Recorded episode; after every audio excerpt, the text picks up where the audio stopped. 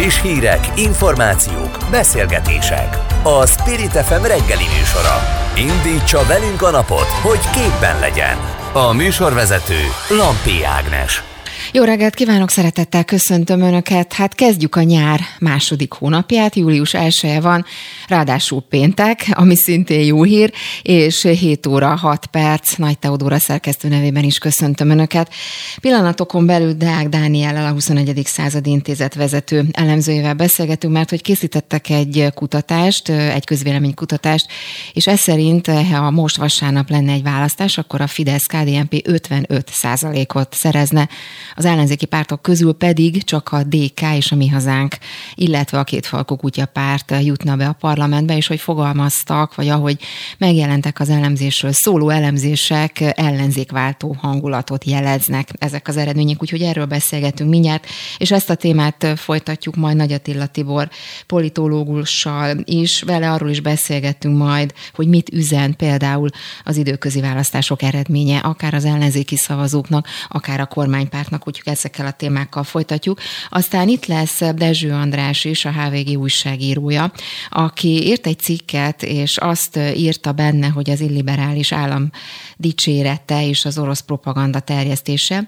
és hogy utána járt arra vonatkozóan, hogy vajon mire tartja, hogy fogalmaz álcivilje itt a kormány, és csak egy idézet a cikkből, mert hogy szerinte ezek az álcivil szervezetek ukrán ellenes és orosz barát megnyilvánulásait kielégítik a Putyin párti Fidesz szavazók igényeit, például az abortusz ellenes nézetek az ultrakonzervatívokét, de talán magának ideológiai betevőt az a szimpatizáns is, aki a szélső jobb oldalon érzi jól magát, úgyhogy ezekre majd mindenképpen rákérdezek.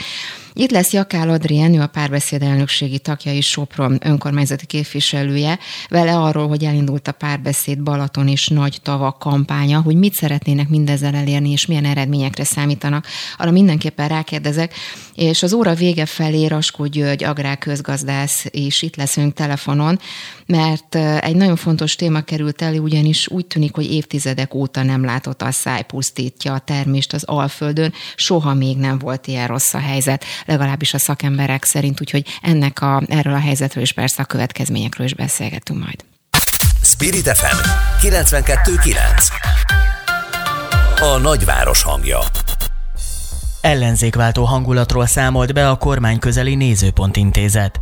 Legfrissebb közvéleménykutatásuk szerint egy most vasárnap tartott választáson a Fidesz-KDNP 55%-ot szerezne, az ellenzéki pártok közül a Demokratikus Koalíció és a Mi Hazánk 6-6%-ot, a kétfarkú kutyapárt pedig 5%-ot zsebelne be, míg az MSZP támogatottságát 1%-ra mérték. Mindeközben Újhelyi István bejelentette, mégsem indul az MSZP társelnöki posztjáért. Elemzések belső konfliktus sejtenek a döntés mögött. A témáról Deák Dániellel, a 21. század intézet vezető elemzőjével beszélgetünk. Aki már itt van velünk, jó reggelt kívánok! Jó reggelt kívánok az a hallgatókat is. És akkor tegyük helyre, Nézőpont Intézet kutatásáról van szó, de csak, csak hogy így korrekt a helyzet. Szóval hogy, hogy értékeli, hogy mi lehet az oka ennek az eredménynek? Az április harmadika utáni helyzet romlott tovább, vagy, vagy ez még a választásoknak a következmény? Azért kezdem, mert például mondjuk például a nyolcadik kerületben is a Fidesz jelölt egy győzőt, ez sokak számára például meglepő volt a korábbi eredményekhez képest. Igen, tehát korábban például a Medián is készített már egy közvéleménykutatást, ahol a fidesz kdnp nek a támogatottsága 60%-os volt, és én ezt a számokat, amit a Medián például uh, nyilvánosságra hozott, beírtam a mandátum kalkulátorba, és ott például az, azok eredmények alapján az jött ki, hogy gyakorlatilag mindenhol, minden egyéni körzetben a fidesz kdnp nyerne, kizárólag a 13. kerületben eh, tudná magát eh, tartani a baloldal. Ugye 2010-ben is csak ott volt eh, baloldali győzelem, mindenhol máshol az országban a Fidesz-KDNP tudott nyerni. Nagyjából a nézőpont adatai ugyanezt mutatják, tehát összeomlott a balliberális oldalnak a támogatottsága, ami nem meglepő, tehát maga az április harmadikai választási eredmény is sokkolta az ellenzéki szavazókat, kiábrándultak még inkább. De mi lehet ennek az oka ön szerint? Mitől lett, vagy mitől alakult ki ez a helyzet, hogy nem sikerült az összefogás, és azóta is tovább romlott a helyzet? Szóval mi lehet ennek a folyamatnak az oka ön szerint? Szerintem az, hogy amit egyébként a Fidesz állított a váltási kampányban, az bebizonyosodott, hogy igaz. Tehát ugye azt mondta a váltási kampányban a Fidesz, hogy Gyurcsány Ferenc irányítja a balliberális oldalt. Hát azóta a Telex, a 24.hu ugye megírta, hogy hogyan zajlottak a belső folyamatok, és hát egészen vicces jelenetekig lemenve megírták, hogy például Gyurcsány Ferenc kitette a Mákizaj Pétert a közös szignálcsoportból, a pártelnökök szignálcsoportjából, tehát már ott is ez is egy szimbolikus dolog, hogy ki az, aki a főnök, ki az, aki az adminisztrátor, és hát ugye ott van az, hogy ezek között a pártok között nincsen valódi egység, nincsen valódi közösség, kizárólag a hatalom megszerzése érdekében tudták ideig, óráig egyben tartani magukat, ugye ez is volt a Fidesznek az egyik állítása a kampányban, és hát ez a választás óta napnál is világosabb, tehát már a választás estéjén nem álltak ki egységesen egymás mellé. Hogy kérdezem a Fidesz, illetve a Fidesz KDNP-vel kapcsolatban is, mert a minap volt az országgyűlésben egy hát vita, ide-oda mondogatás. Keresztes László Lórent ugye a LMP politikusáról van szó, és az ő felszólalásán most ennek a részleteit nem mondom, mert erre reagált Kocsis Máté, aki azt mondta, hogy ne legyen biztos abban, hogy a KDNP saját maga nem jutna be a parlamentbe, a keresztény demokráciának történelmi gyökereit, ha megnézi meg a társadalmi struktúráját, akkor vajon kik azok, akiket a KDNP szavazóknak tekinthetünk, és azt mondta Kocsis Máté, hogy nagyjából 8-12 százalék közötti párt lenne a KDNP Magyarországon. Erről mit gondol, hogy ez reális, ez a felvetés tényleg 8-12 százalékos párt lenne a KDNP? Igen, reális, tehát ön kell nézni, vannak olyan egyéni jelöltek, akik KDNP színekben indulnak. Egyik példa Süli János, aki ugye Paks környékén a választók közvetében indul, és ott korábban, a korábbi választások alkalmával volt a Fidesz és a KDNP között vita. Suli János elindult KDNP-s színekben, volt egyébként más jobboldali jelölt is vele szemben, és Suli János maga biztosan 60% felett el tudta hozni a körzetet KDNP-s színekben, de több ilyen KDNP-s politikus is van, akik meghatározóak, és az egyéni körzetüket 60-70 százalékkal hozzák. ezért nagyon komoly Fidesz támogatottság áll mögöttük. Ezt akarom mondani, hogy még akkor is, tehát előbb mondtam a példát, akkor is, hogyha egy Fideszes jelölt indul velük szemben. Tehát, hogyha csomó olyan példa volt, hogy Fidesz-KDNP külön indult, bizonyos egyéni körzetekben összevesztek, és hát a KDNP meg tudta verni a Fideszes jelöltet is, tehát igenis létezik KDNP-s identitás, létezik KDNP-s politikus és egyéni jelöltek is mutatják, hogy maga biztosan erősen, akár még a Fidesz országos átlaga felett is tudnak hozni egyéni körzeteket. Van egy érdekes jelenség, egy konkrét példáról, vagy konkrét példával kapcsolatban hogy kérdezem a véleményét, mert hogy most az időközi választások során ugye újra választottak egy elítélt Fideszes polgármestert még keréken, biztos látta, vagy tud erről a hírről, ugye Tát Margitról van szó, egyébként ő egy lemondott polgármester, az történt, pont azért volt szükség ugye a időközi választás kiírására, mert a Gyulai törvényszék jogerősítéletében költségvetési csalás büntette és folytatólagosan elkövetett hamis magánokirat felhasználásának vétsége miatt felfüggesztett börtönbüntetésre ítélte, de ugye újraindulhatott ezzel kapcsolatban a méltatlanság miatt ezt nem mondhatták ki, tehát újra tudott indulni, és megnyerte az időközit. Például ezt a jelenséget, ezt minek tudja be? Hát annak tudom be, hogy ez a korrupciós tematikának a korlátossága, tehát ugye az ellenzéknek az egyik fő kampány témája az a korrupciós tematika volt, és láttuk, hogy arra ezzel a témával mire mentek. Egyszerűen nem éri el a választóknak az inger küszöbét, sokkal inkább más szempontokat tartanak szem előtt. Fejlődik-e a település, vannak-e beruházások, van-e munkahely, ugye országos szinten fejlődik-e az ország, van-e munkahely, nő a, fizetésem, tehát általában ezek azok a szempontok, amelyek alapján a választók pártokra szavaznak.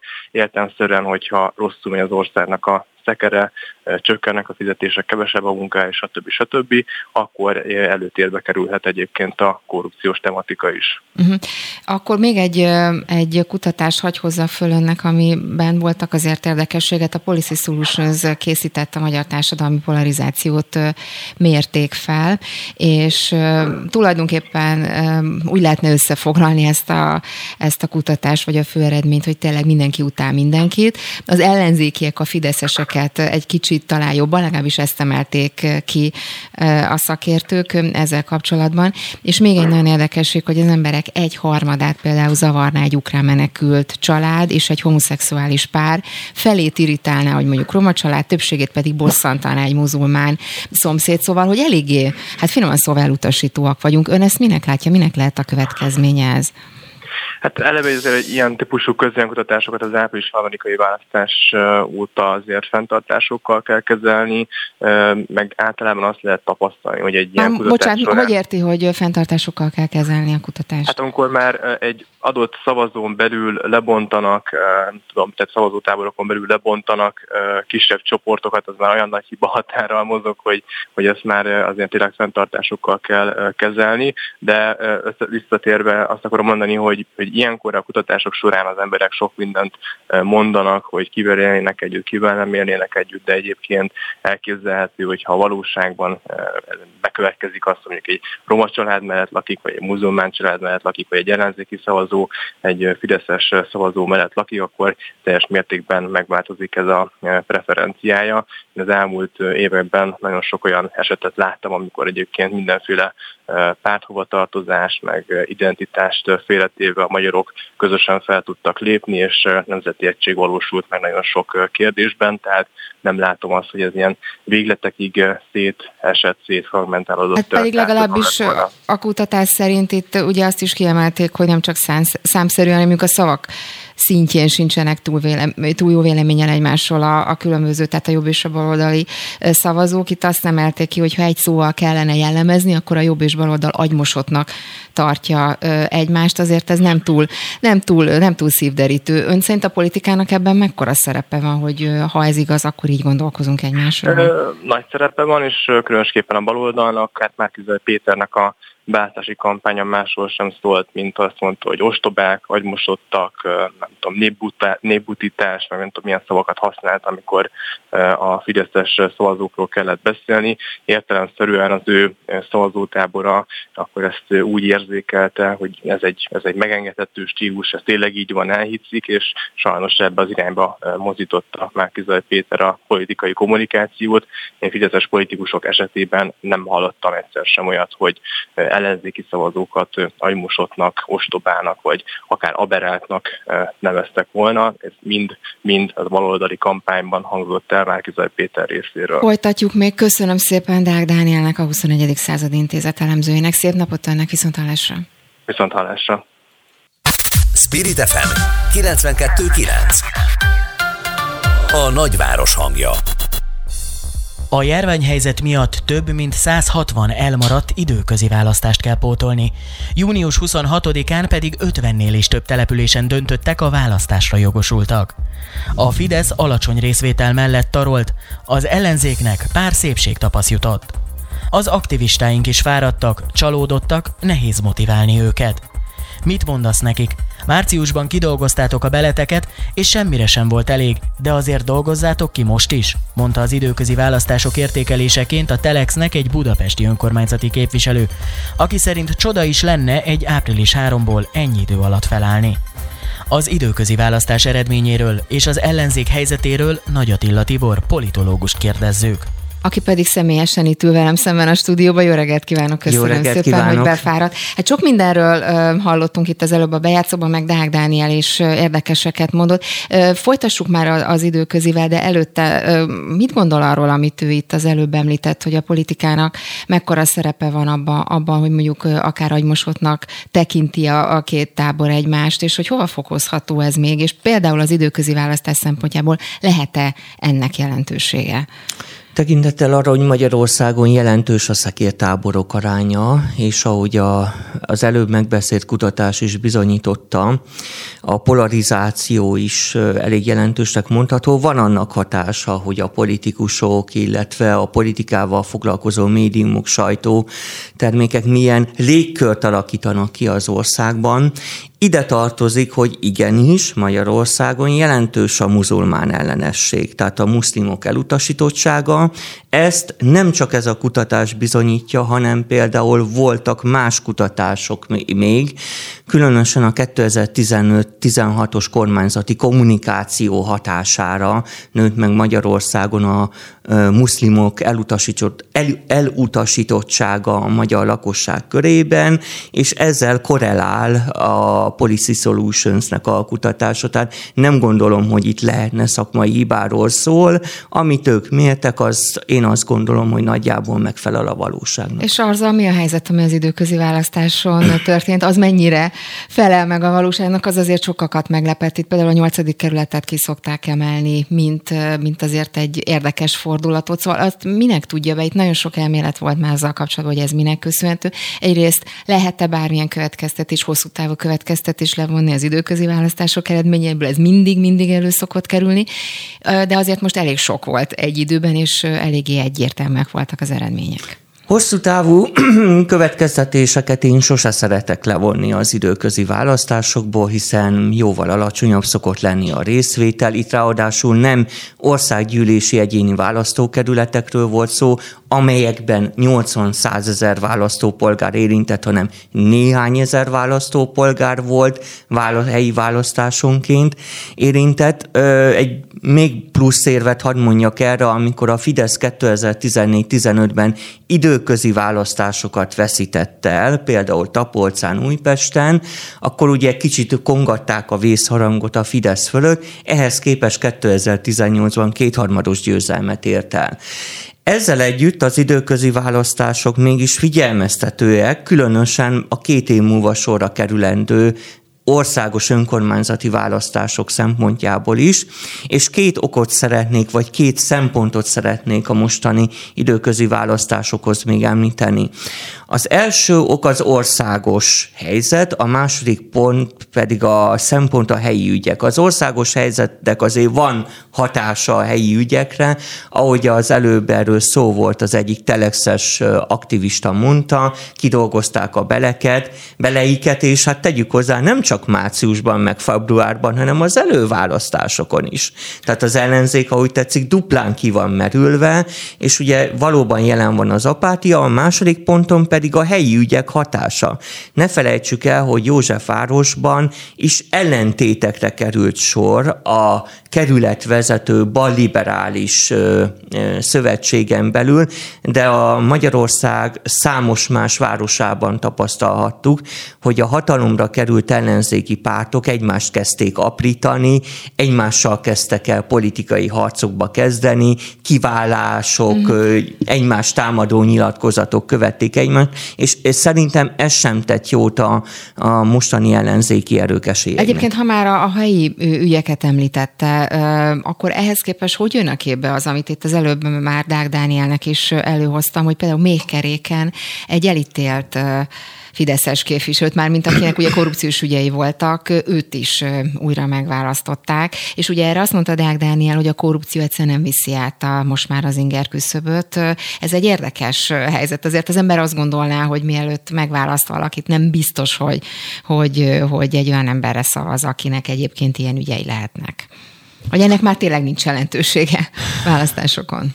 A több kutatás is egyértelműen bizonyítja az elmúlt évekből, hogy a magyarokat nem a korrupció érdekli a legjobban, hanem a megélhetési kérdések. Tehát innentől kezdve az, hogy valakit esetleg jogerősen elítéltek, az önmagában még nem akadályozza meg a választópolgárokat abban, hogy rászavazzanak, ráadásul ott van a, a Fidesznek ugye elég erős a márka hűség ereje, tehát a szavazó... Szépen mondta nagyon. Igen, tehát hogyha mondjuk legtöbb helyen most jelenleg úgy van az országban, hogyha valakire egy jelöltre oda pingálják, hogy Fidesz, akkor már önmagában ettől jelentős esélye van a győzelemre. Ha már a brendeket említette, akkor még, még a, a beszélgetés végére egy gyors kérdés az MSZP-vel kapcsolatos. Ugye az is hír volt, hogy új hely is már visszalépett, és nem indul a társelnöki pozícióért. Ugye ez azért is érdekes, mert nem olyan sok idővel ezelőtt jelentette be, hogy ambi- nagy ambíciókkal vág vele, hogy megújítsa az MSZP-t. Ugye új nevet is szeretett volna adni a pártnak, tehát úgy tűnt, hogy, hogy neki vág ennek a történetnek. Ehhez képest most visszalépett. A minapit járt ugye Mesterházi Attila a startban, és azt mondta, hogy ha nem történik változás, ha nem lesz javulás, akkor az MSZP-nek annyi. Szóval mire utalhat az, hogy, hogy ez történt a MSZP-ben? Úgy szeretnék nem úgy meghalni, hogy nem fogom megtudni, hogy mit esznek az MSZP parlamenti képviselői Tóth Bertalanon. Tehát egy ö, teljesen a pártját szerencsétlenül vezető politikusról van szó, aki eléri, hogy 5% alatt legyen a pártja, de ez nem számít. A párt frakciójának tagjai újra választják őt frakcióvezetőnek, szóval ez hihetetlen. Ezt csak azért hozom be, mert ez jól mutatja a szocialista pártnak a helyzetét. Ami pedig Újhelyi Istvánt illeti, én azt gondolnám, hogy Újhelyi István megítélése is erre ő maga jöhetett rá, korán sem olyan kedvező a párton belül, mint ahogy ő remélte. Tehát úgy látszik, hogy a sok tévészereplés, a sok Facebook poszt egyesekben inkább olyan érzetet keltett, hogy túlságosan nyomulós a politikus, túlságosan erőszakos, és azt gondolom, hogy például a párt logójának, a szegfűnek a megszüntetése sem aratott egyértelmű De várjon, ő ugye arra, arra hivatkozott ebben a bizonyos levélben, amit küldött, hogy belső ellentétek szakítják szét a pártot, és ugye befagyott a hangulat. Most nem tudom pontosan idézni, igen, de elég igen, erőteljesen fogalmazott, és Mesterházi Attila meg azt mondta itt a stadban, hogy, hogy úgy látja, hogy szóltak Újhely Istvánnak, hogy ő nem akar indulni, és Molnár Zsoltnak van egy jobb jelöltje. Ez egész konkrétan így hangzott el. Igen, hát nagyon úgy néz ki, hogy Molnár Zsoltnak továbbra is erőteljes befolyása van a pártban, és Újhely Istvánnak nem sikerült Molnár Zsolttal meg megkötni a paktumot. Én majdnem biztos vagyok benne, hogyha Újha Istvánnak sikerült volna megegyezni Molnár Zsolttal a párt jövőjét illetően, akkor ő belőle akár elnök is lehet illetve társelnök is lehetett volna. Egyébként ez a társelnökség is egy olyan hülyeség, már bocsánat ezért a kifejezésért. Tehát aki ezt kitalálta Magyarországon, hogy társelnöki rendszert kell bevezetni, az is hozzájárult ahhoz, hogy a saját pártjának a romlását mozdítsa Hú, hát akkor egy gyors kérdés a végére, szóval hogyan tovább ellenzék? Ha most az MSZP-ből indulunk ki, ugye itt az előbb a, a Nézőpont Intézetnek az adatait néztük át, hát tulajdonképpen eléggé visszaestek az ellenzéki pártok támogatottsága, nem csak a kicsikre gondolok. Jó, ez nem meglepő, hiszen óriási sok volt az április harmadiki választás, és ebből a sokból hónapokig, hónapokig fog tartani, amíg fel tudnak, ha egyáltalán fel tudnak épülni az ellenzéki pártok. Ne felejtsük el, hogy nagyon erős az ellenfél, a Fidesz, amelyik erős média hátszéllel, nagyon sok pénzzel rendelkezik, és ezen pénzeket pénzek alatt nem pusztán a Fidesz pénzeit értem, hanem bizony a kormány és az állam illetve a kettő együttes pénzeit. Láthattuk az különböző állami hirdetéseket. Ezek olyan nagyságú összegek, amelyekkel az ellenzék nem nagyon tud versenyezni. Én azt gondolom, én már két hónappal ezelőtt megírtam a Magyar Hang heti labban, hogy igazából a fő kiút az lenne, hogyha lenne egy nagy domináns párt az ellenzéken belül, amelyik ki tudna emelkedni. Most Donát Andának megjelent pár nappal ezelőtt egy írása, amelyik hasonló irányba megy, csak hát egyelőre nem látni ezt a nagy domináns Na hát én nem folytatjuk még, hogy lesz-e domináns erő. Nagy Attila Tibornak köszönöm szépen, hogy itt volt nálunk. Köszönöm szépen. Friss hírek, információk, beszélgetések. A Spirit FM reggeli műsora. Indítsa velünk a napot, hogy képben legyen. A műsorvezető Lampi Ágnes. Szerdán kezdődött a párbeszéd Balaton és Nagytavak kampánya. Mint írták, a Nagytavak partjainak folyamatos beépítése elzárja az embereket a tavaktól és a környezetre is káros hatással van. Úgy látják, a luxusberuházások nyomán lassan eltűnnek a szabad strandok. A helyiek és a turisták csak messziről nézhetik a vizet. Az állam gazdagon pénzeli a rombolást, amibe sokszor partnerek az önkormányzatok is. A vonalban Jakál Adrien, a párbeszéd elnökségi tagja. Aki már itt van velünk, jó reggelt kívánok! Jó reggelt kívánok! Ugye a párbeszéd és önök is elég régóta viszik ezt a témát, a, amit, amiről itt ugye az előbb szó volt. Mire számítanak? Egyrészt miért hozták most újra elő ezt a témát, és mire számítanak, hogy hozhat-e bármi változást a terveket illetően, hiszen ahogy önök is többször kommunikálták, ugye nagyon nagy beruházásokról van szó, és ahogy önök fogalmaznak, NER hátszéllel megy mindez. Hát azért most hoztuk fel ezt a témát, illetve azért indítottuk el most ezt a kampányt, hiszen most jön a jó idő, és most fognak elindulni az emberek a strandra, és ezáltal jobban fogják ők is látni azt, hogy egyre kevesebb lehetőségük van erre. A párbeszéd Balaton kampányának a célja a figyelemfelkeltés a téma iránt és egyfajta tájékoztatás. Szeretnénk egy társadalmi diszkur, diszkurzust arról, De várjon, hogy... pont erre célzok, bocsánat, hogy szabba vágtam, csak mondjuk ha Fertőtő ügyét vesszük, hát ugye mi is nagyon-nagyon sokszor beszéltünk róla, tényleg nagyon sok akció történt ezzel kapcsolatban, ugye évek óta téma, és nem igazán történt egyelőre legalábbis alapvető változás. Nézd, a negyedik kétharmad után én elhiszem, hogy nehéz a pártoknak bármit elérni, viszont Tatán például a tatai öregtónál bebizonyították a helyiek, hogy civilek, emberek összefogásával igenis tudnak elérni bizonyos eredményeket. Ott például július 31-én lesz népszavazás, és úgy gondoljuk, hogy ezek a helyi közösségek, hogyha összefognak, és valóban megfelelő hangon és hangerőre kapcsolnak, akkor el tudják érni azt, amit ők szeretnének. És ugye a Balaton kampányunknak is a célja az, hogy megmutassuk az embereknek, hogy nem kell feltétlenül beletörődnünk abba, hogy az Orbán kormány kiárusítja a partszakaszainkat, hanem igenis a helyi közösségek összefoghatnak, aláírás gyűjthetnek, tiltakozhatnak, és tegyenek meg mindent annak érdekében, hogy ne a fejük fölött döntsenek bizonyos dolgokban. A párbeszéd egyébként konkrétan, vagy a politikai támogatás ilyen értelemben már, mint párttámogatás, ezt, ezt hogyan ösztönözheti ezt a tevékenységet? Mármint, hogy a párt maga hogyan tudja igen, ösztönözni igen. a... A civilek hát, együttműködését például, ahogy amire ön is célzott. Hát ugye ez, ezért is indítjuk ezt a kampányt, egy figyelemfelkeltés, beindítani egy közös gondolkodást arról, hogy, hogy mi a fontos egy szép panoráma, egy luxusszálloda erkélyéről, ahova egy átlagember nem tud eljutni, vagy pedig a szabadstrandok, ahol a keves, kevésbé tehetősek is élvezhetik a Balaton. Tehát mi egy párbeszédet szeretnénk folytatni az emberekkel, és egy figyelemfelhívást ezzel kapcsolatban. Uh-huh. És ezt hogyan képzelik egyébként? Tehát eseményeket szerveznek, vagy, vagy mire, mire gondolnak konkrétan?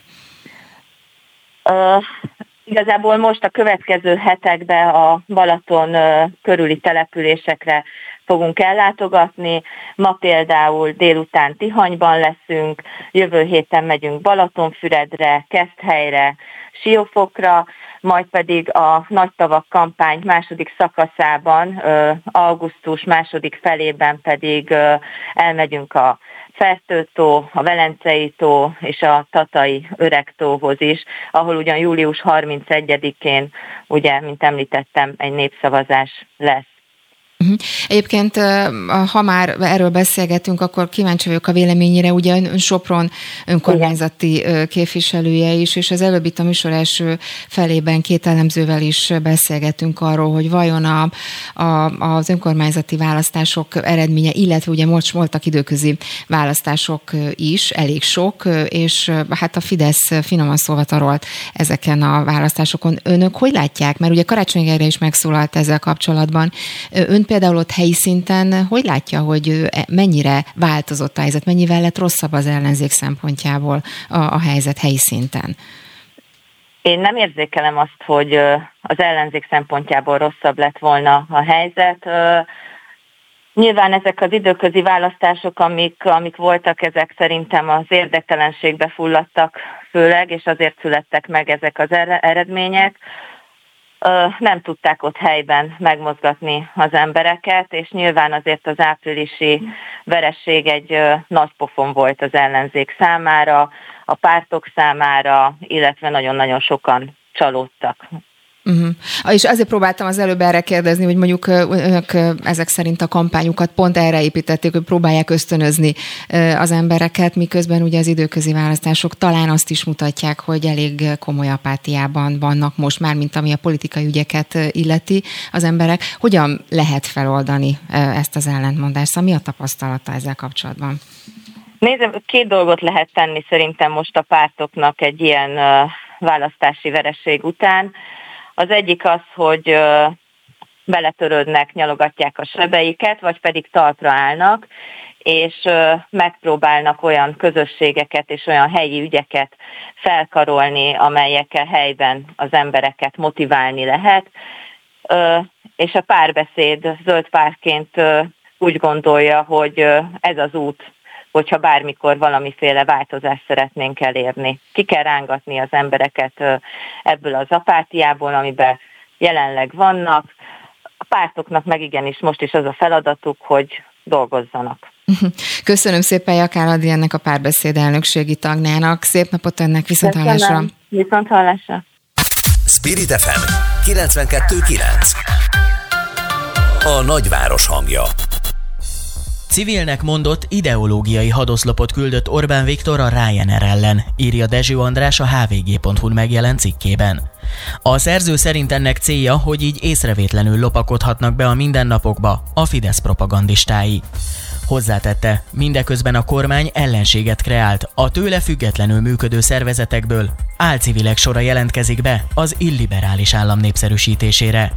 A részletekről Dezső Andrást, a hvg.hu újságíróját kérdezzük. Aki most már itt van velünk. Jó reggelt, szervusz! Jó reggelt, szervusz!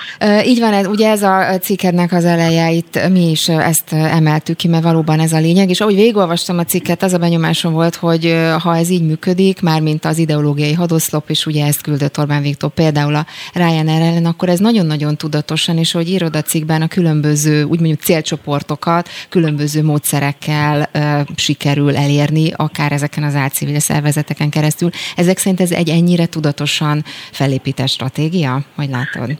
Igen, tehát ugye itt két, ez egy ilyen két lépcső stratégia. Szerintem az egyik az, hogy először ugye szereztek saját médiát, média platformokat. A következő lépés pedig az volt, hogy az ember szereplő, elvileg nem politikai szereplőket is, hát ők telepítik be ezekbe a csatornánkba, tehát itt konkrétan arra gondolok, hogy régebben mondjuk a 90-es évek vagy a 2000-es években ugye az volt, hogy voltak civil szervezetek, amelyeknek voltak véleményeik az adott témában, ez vagy igazodott éppen az aktuális politikai klímához, vagy nem.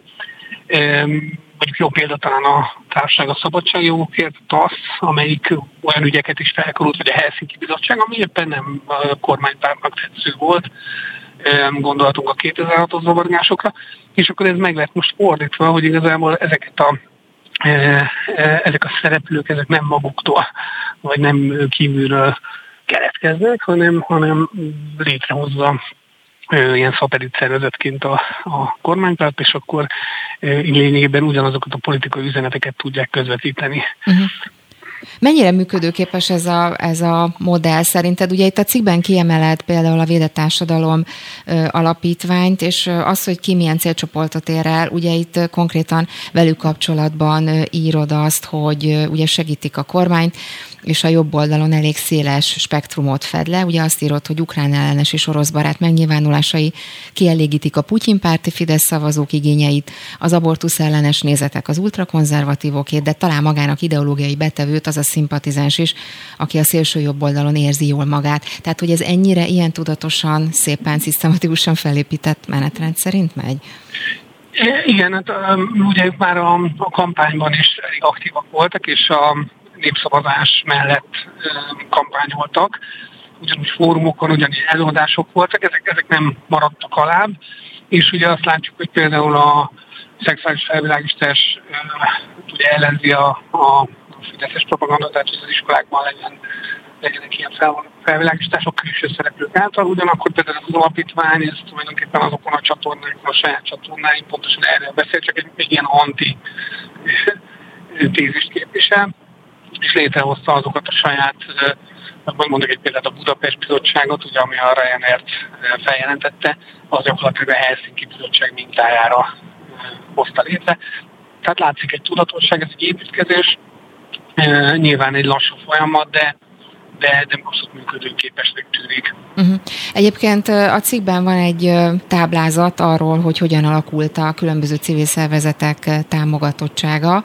2021-ben látszik az, hogy kit, kit támogat, EU vagy más nemzetközi szervezet, önkormányzat, állam, és itt hát elég egyértelmű a helyzet, mondjuk ha például mondjuk az Ökotás Alapítványt veszem, vagy az imént említett Védett Társadalom Alapítvány. Szóval, hogy a, a, az állami támogatás teljesen egyértelmű, és itt elég komoly összegek vannak. Hogy látod, hogy ez még tovább fog emelkedni, tehát ebbe az irányba próbál a Fidesz, vagy próbál a kormánypárt haladni, már mint ami a kommunikációt illeti? Igen, abszolút ebbe az irányba megy. Ez nyilván, ez nem egy olyan történet, amivel így le lehet szakadni egyik napról a másikra, tehát én abszolút úgy gondolom, hogy, hogy, hogy ez az irány lesz, ez, ez erősödni fog, fokozódni fog. Ugye amikor mindig arról beszélünk, hogy most jön egy válság, és ez majd milyen rosszabb tesz esetleg a kormánypárt megítélésének, akkor elfelejtjük azt, hogy itt vannak olyan külföldi államok, Európában például, ahol ahol nem ilyen erős a felhatalmazása egy adott politikai erőnek, és és hát mi van akkor, ha éppen fordítva történik, tehát ez a válság ez azokat fogja meggyengíteni, akik esetleg most nem éppen szimpatizálnak mondjuk Magyarországgal, vagy magyar kormánya. Ú, ezek szerint megszakadtunk, megszakadt a vonal Dezső Andrással. Ja, remélem, most itt, itt vagy újra, az előbb most nem hallottunk egy pár pillanatig.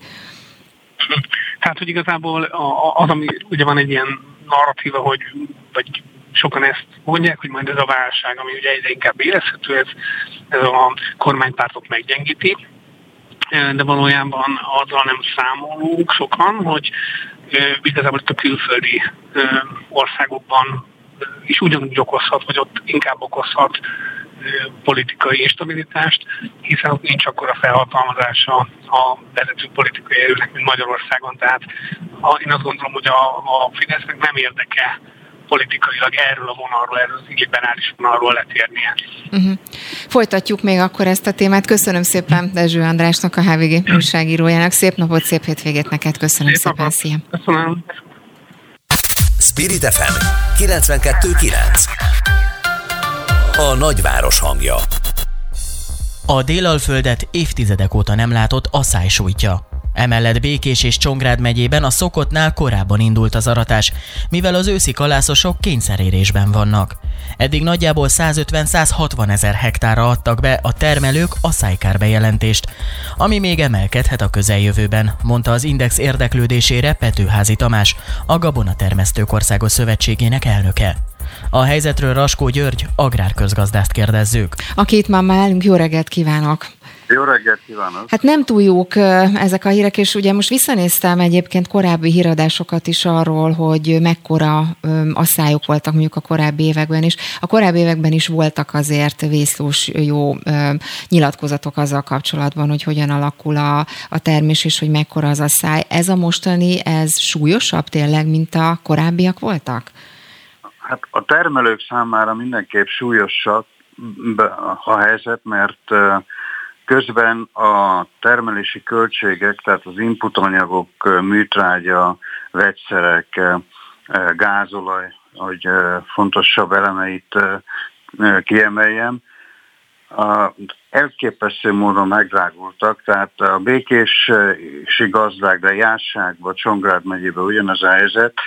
A, aki árpát vagy éppen buzát termelt, annak a költsége hektáronként kb. 120-150 ezer forinttal emelkedett, És mivel nagyon jó árak vannak Magyarországon is, környező országokban, világpiacon általában, ezért a gazdák bátran mertek ebből a drága műtrágyából is megfelelő mennyiséget használni, és ez most nem térül meg az asszály miatt, tehát a veszteségeik korábbi évekhez viszonyítva sokkal nagyobbak, pontosan azért, mert a három tonna körüli átlagtermés arra sem elég, hogy a termelési költségeket megtérítsék. Uh-huh. És mi következik mindebből? További áremeléssel lehet számítani?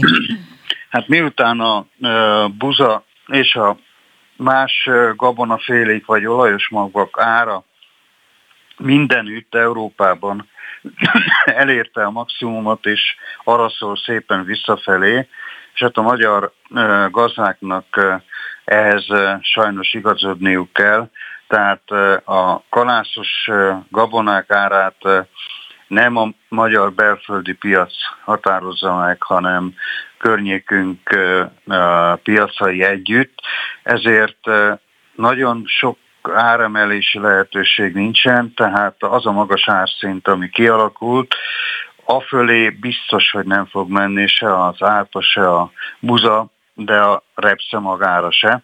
Sőt, lehet számítani arra, hogy további árasés történik az európai piacokon, különösen akkor, ha Ukrajna szállítási lehetősége javul, tehát az a hatalmas mennyiség, amely kalászos gabonából, olajos magból beszorult Ukrajnába, ha ezt tudják exportálni, és ebben az infrastruktúrális problémákat sikerül megoldani, akkor még további árcsökkenés valószínűsíthető. És mi van, ha nem? Mert ugye persze nagyon-nagyon sok mindent, persze nehéz jósolni, tudom ebben a helyzetben, ebben a háborús helyzetben, de, de mi van, ha ez nem történik meg? Akkor annak milyen következménye lehet, akár Magyarországra nézve?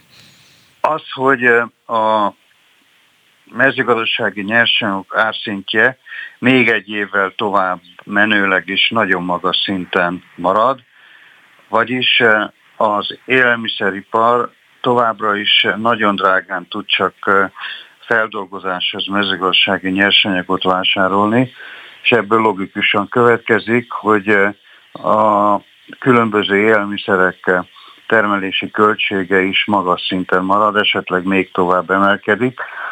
Ebből következik a fogyasztók számára az a rossz hír, hogy az élelmiszer infláció, ami már most is kiugró, hiszen 20% körüli, és valószínűleg ősszel már a 20% fölött lesz az átlagos éves élelmiszerinfláció, ez még tovább emelkedhet, akár 22-23 százalékra is, vagyis a kiskereskedelemben az ársapkával védett termékeket leszámítva egészen biztos, hogy minden fontos élelmiszer ára a következő hónapokban még tovább fog emelkedni. Hát egyébként, ha már ezt említette a kenyérárakról, ha az ember nem csak ha bemegy a boltba, de hogyha nézi, a, nézi az árakat, hogy elképesztő módon, elképesztő mértékben emelkedik a pékáru, ez hova, hova meddig emelkedhet, még? Meddig, meddig bír, mennyit bír még el a piac, hogy látja, mert tényleg szinte napról hát- napra emelkednek az árak.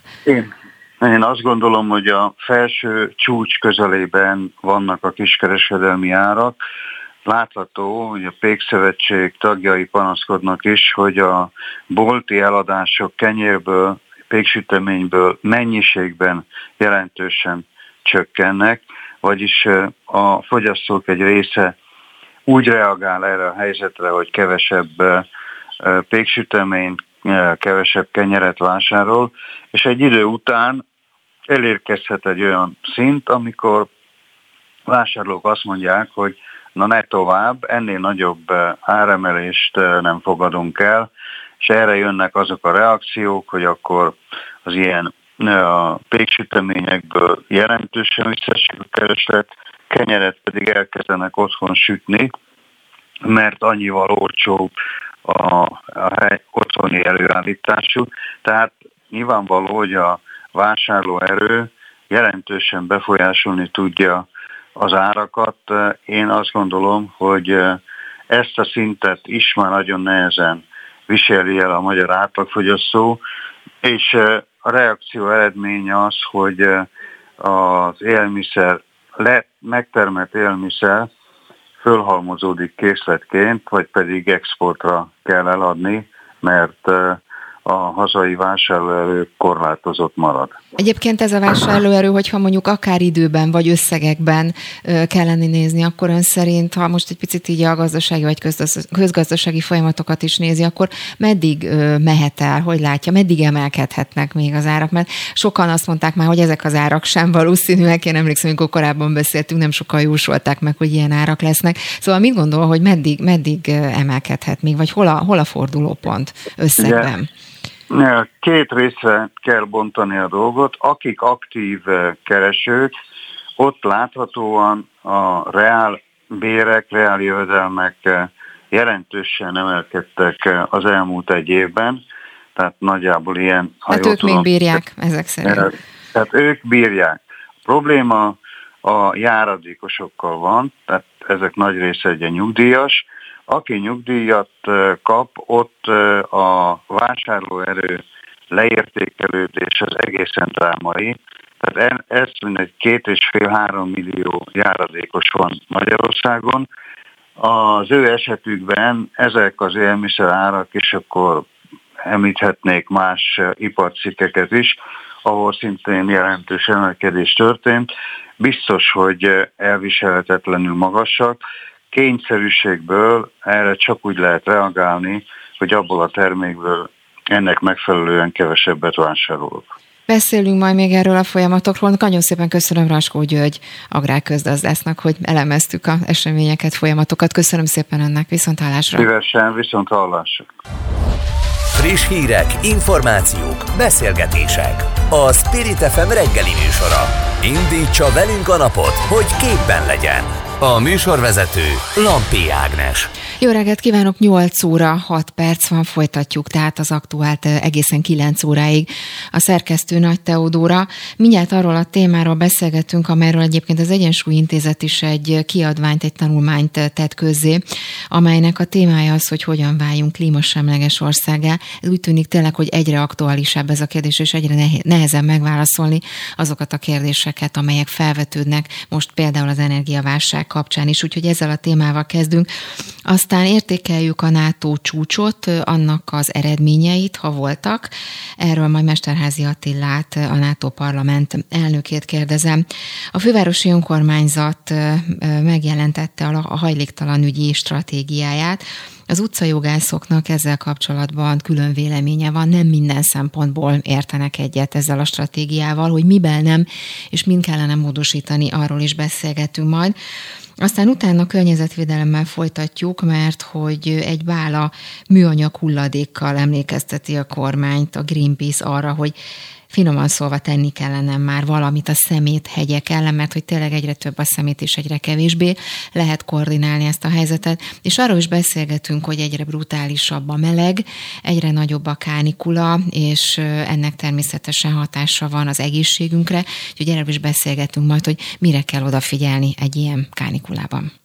Spirit FM 92.9 A nagyváros hangja Megjelent az Egyensúly Intézet két új, a klímasemlegességről szóló szakpolitikai javaslatcsomagja. Ezekben a földgáz használat mérséglésének lehetőségeivel, az ipari dekarbonizációval, a közlekedési szektor zöldítésével, továbbá az épületszektorban jelentkező rövidtávú kihívások kezelésével foglalkoznak. A lehetséges megoldásokról Csernus Dórával, az Egyensúly Intézet vezető klíma és környezetpolitikai szakértőjével beszélgetünk. Jó reggelt kívánok! Jó reggelt kívánok! Az biztos, hogy ezek a kérdések, amelyek itt az előbb elhangzottak, egyre aktuálisabbak, és akkor még finoman fogalmaztam, és ugye nagyon régóta beszélünk már arról, hogy hogyan lehet ezeket a célokat, ezeket a változtatásokat elérni, és ebben az anyagban, amit önök nyilvánosságra hoztak, ugye az is szerepel, hogy óriási léptékű struktúrális változásokra van szükség Magyarországnak is ahhoz, hogy például elérjük a 2050-re kitűzött klímacélt, és azt is hozzáteszik, hogy ezek a lépések berendezések az átállás léptéke miatt semmiképpen sem lesznek zöggenőmentesek, és hogy az államnak seregnyi eszköz áll, vagy állna rendelkezésre ahhoz, hogy tompítsa ezeket a hatásokat. Mégis úgy tűnik, hogy a politikai akarat még mindig kevés az igazi változásokhoz. És igazából tényleg ez a kérdés, hogy, hogy mikor lehetnek, vagy mikor lehetnek tényleg lényeges változások, amelyeknek komoly hatása lett a környezetünkre. Jó reggelt kívánok, köszöntöm a hallgatókat. Mi az Egyensúly Intézetnél azt gondoljuk, hogy bármikor is lesz meg a politikai akarat, kell, hogy legyenek készen javaslatok, amikhez nyúlni tudnak a döntéshozók, és ezen dolgozunk az Egyensúly Intézetnél, hogy ezek, ezek minél szélesebb körben rendelkezésre álljanak. Hogy egy picit hadd keretezzem a, a témát, ugye beszélt a 2050-es klímacélról, de hogy mi is az a klímacél. Az a célunk, hogy 2050-re klímasemlegesek legyünk, nem csak az Európai Unió, hanem Magyarország is. Ez azt jelenti, hogy 2050-re csak annyi üvegházhatású gáz bocsátunk ki, amennyit el is tudunk nyeletni, semlegesíteni tudunk, mondjuk erdőkkel, vagy, vagy különböző széndiokszid kivonó technológiákkal. Na most ahhoz, hogy 2050-re eljussunk a klímasemlegességhez, ahhoz a magyar klímatörvény meghatározott 2030-ra köztes célt, ez egy 40%-os kibocsátás csökkentés 90-hez képest, és mi a decemberben megjelent első klímás anyagunkban azt mutattuk be, hogy ez nem elég ambiciózus ez a 40%-os kibocsátás csökkentési szint, hogyha nem szeretnénk ugye 2030 utánra átolni a feladatoknak a nagy részét. És a héten megjelent két mm, szakpolitikai javaslatunk közül az első ugye azt mutatja be, hogy hogyan, hogyan lehet ezt részletesebben megvalósítani a földgáz használatnál, ugye az ipari kibocsátásoknál és a közlekedésnél, ahogy, eh, ahogy önök, is, önök is mondták. És hát a földgáz használatnál különösen ugye aktualitása van a, a dolognak a jelenlegi geopolitikai helyzet miatt, mert ugye klímavédelmi szempontból ez, ezt így is úgy is meg kellett volna csinálni, mm. viszont most már ez egy energiabiztonsági, biztonságpolitikai kérdés is.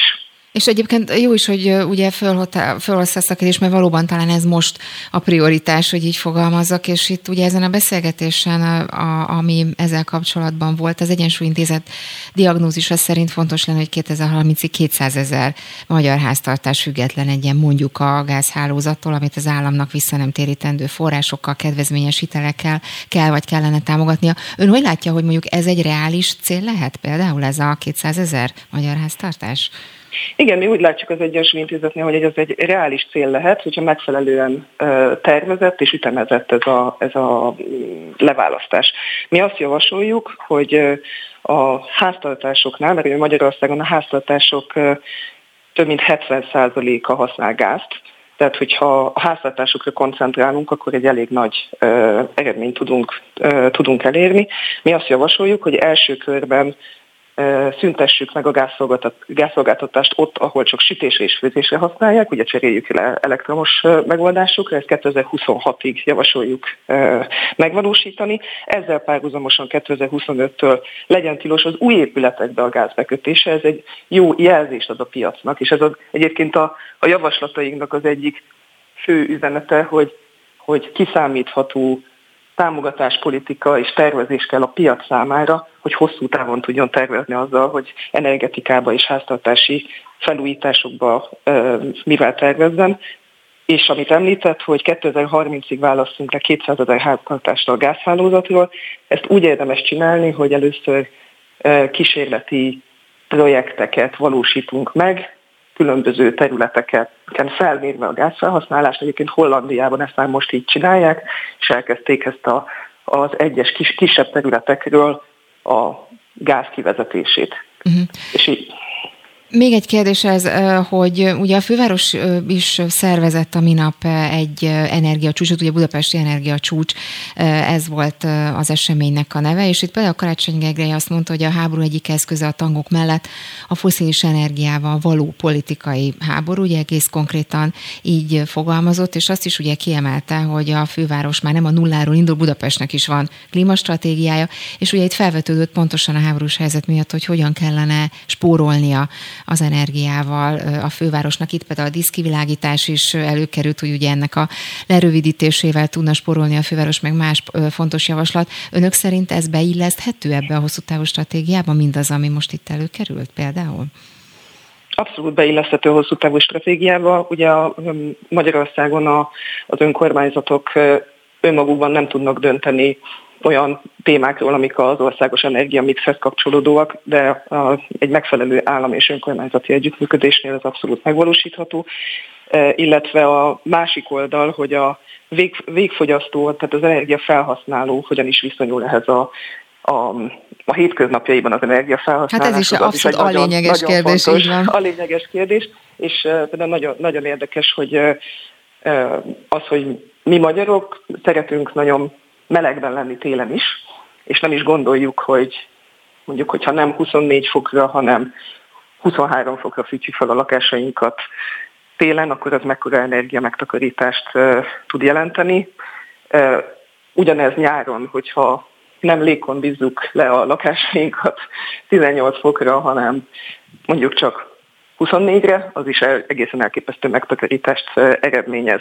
És egyébként ez csak, hogy át, átugorjunk a, csak egy szót a, a közlekedésre is, hogyha mondjuk 130 km per óra sebességkorlátozás helyett 110 km per órás sebességkorlátozás lenne az autópályákon, az akár 15% megtakarítást is jelenthet. Hát azt hiszem, Ezek, hogy ez, ez így van, ahogy mondja, azt hiszem, hogy ezeken a területeken még van mit tanulnunk bőven, úgyhogy mindenképpen érdemes erről beszélni. Nagyon-nagyon szépen köszönöm Csáros Dórának, az Egyensúlyintézet vezető klíma és környezetpolitikai szakértőjének. Viszont hallásra, szép napot! Én is köszönöm, viszont hallásra! Spirit FM 92.9 a nagyváros hangja. Megállapodtunk abban, hogy Svédország és Finnország csatlakozik a szövetségünkhöz. Megállapodtunk abban, hogy tovább támogatjuk Ukrajnát, és megállapodtunk abban is, hogy elmélyítjük kapcsolatunkat a csendes-óceáni térségbeli partnereinkkel. Összegezte Jens Stoltenberg NATO főtitkár csütörtökön a Madridban rendezett kétnapos állam és kormányfői találkozó eredményeit. Putyin erre reagálva leszögezte, hogy Oroszország szimmetrikus választ ad, amennyiben a NATO katonai infrastruktúrát telepítene Finnországba és Svédországba. A részletekről és a NATO csúcs magyar vonatkozásairól Mesterházi Attila, MSZP-s politikust, a NATO parlament elnökét kérdezzük. Aki már itt van velünk, jó reggelt kívánok! Jó reggelt kívánok! Fordítsuk már le ezeket a mondatokat, amik itt az előbb elhangzottak, hogy ön mennyire értékeli hatékonynak a NATO csúcsot. Szóval volt előrelépés, és hát természetesen valóban a fő kérdés, ugye Finnország és Svédország belépésével változik-e, változhat-e a helyzet? Hát mindenféleképpen történelmi volt ez a NATO csúcs, tehát nagyon sok eredményt értek el. Ugye itt elfogadták ezen a NATO csúcson azt az új védelmi stratégiáját a NATO-nak, amit majd az elmúlt években folyamatosan dolgozott ki. Ez korábban a NATO 2030, ez volt a, neve, stratégiát viselte. Ugye ennek az a lényege, hogy a megváltozott biztonsági környezetben hogyan kell a NATO-nak is változni, hogy tudjon reagálni ezekre az új, új kihívásokra. Tehát ez volt az egyik fő eredmény, ennek talán az egyik talán legegyszerűbb összegzése az, hogy meg fogja erősíteni a NATO a védelmi és elrettentési képességeit, hiszen elrettentő erő nélkül ugye a békét is sokkal nehezebb őrizni.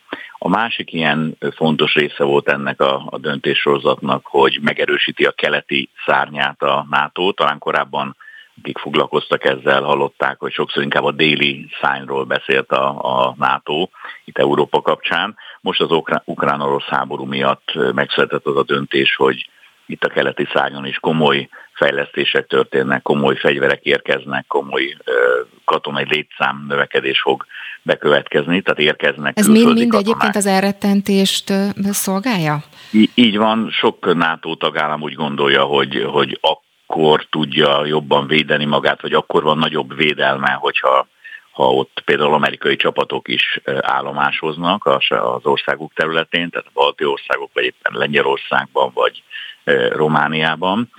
Emellett is döntött egyébként az Egyesült Államok, hogy növelni fogja itt a, a létszámot, és tulajdonképpen NATO-nak van egy ilyen gyors reagálású hadtest, ennek 40 ezer katona a tagja, különböző NATO tagállamokból, ezt most 300 ezerre fogják fölemelni, ami egy jelentős növekmény egészen biztosan.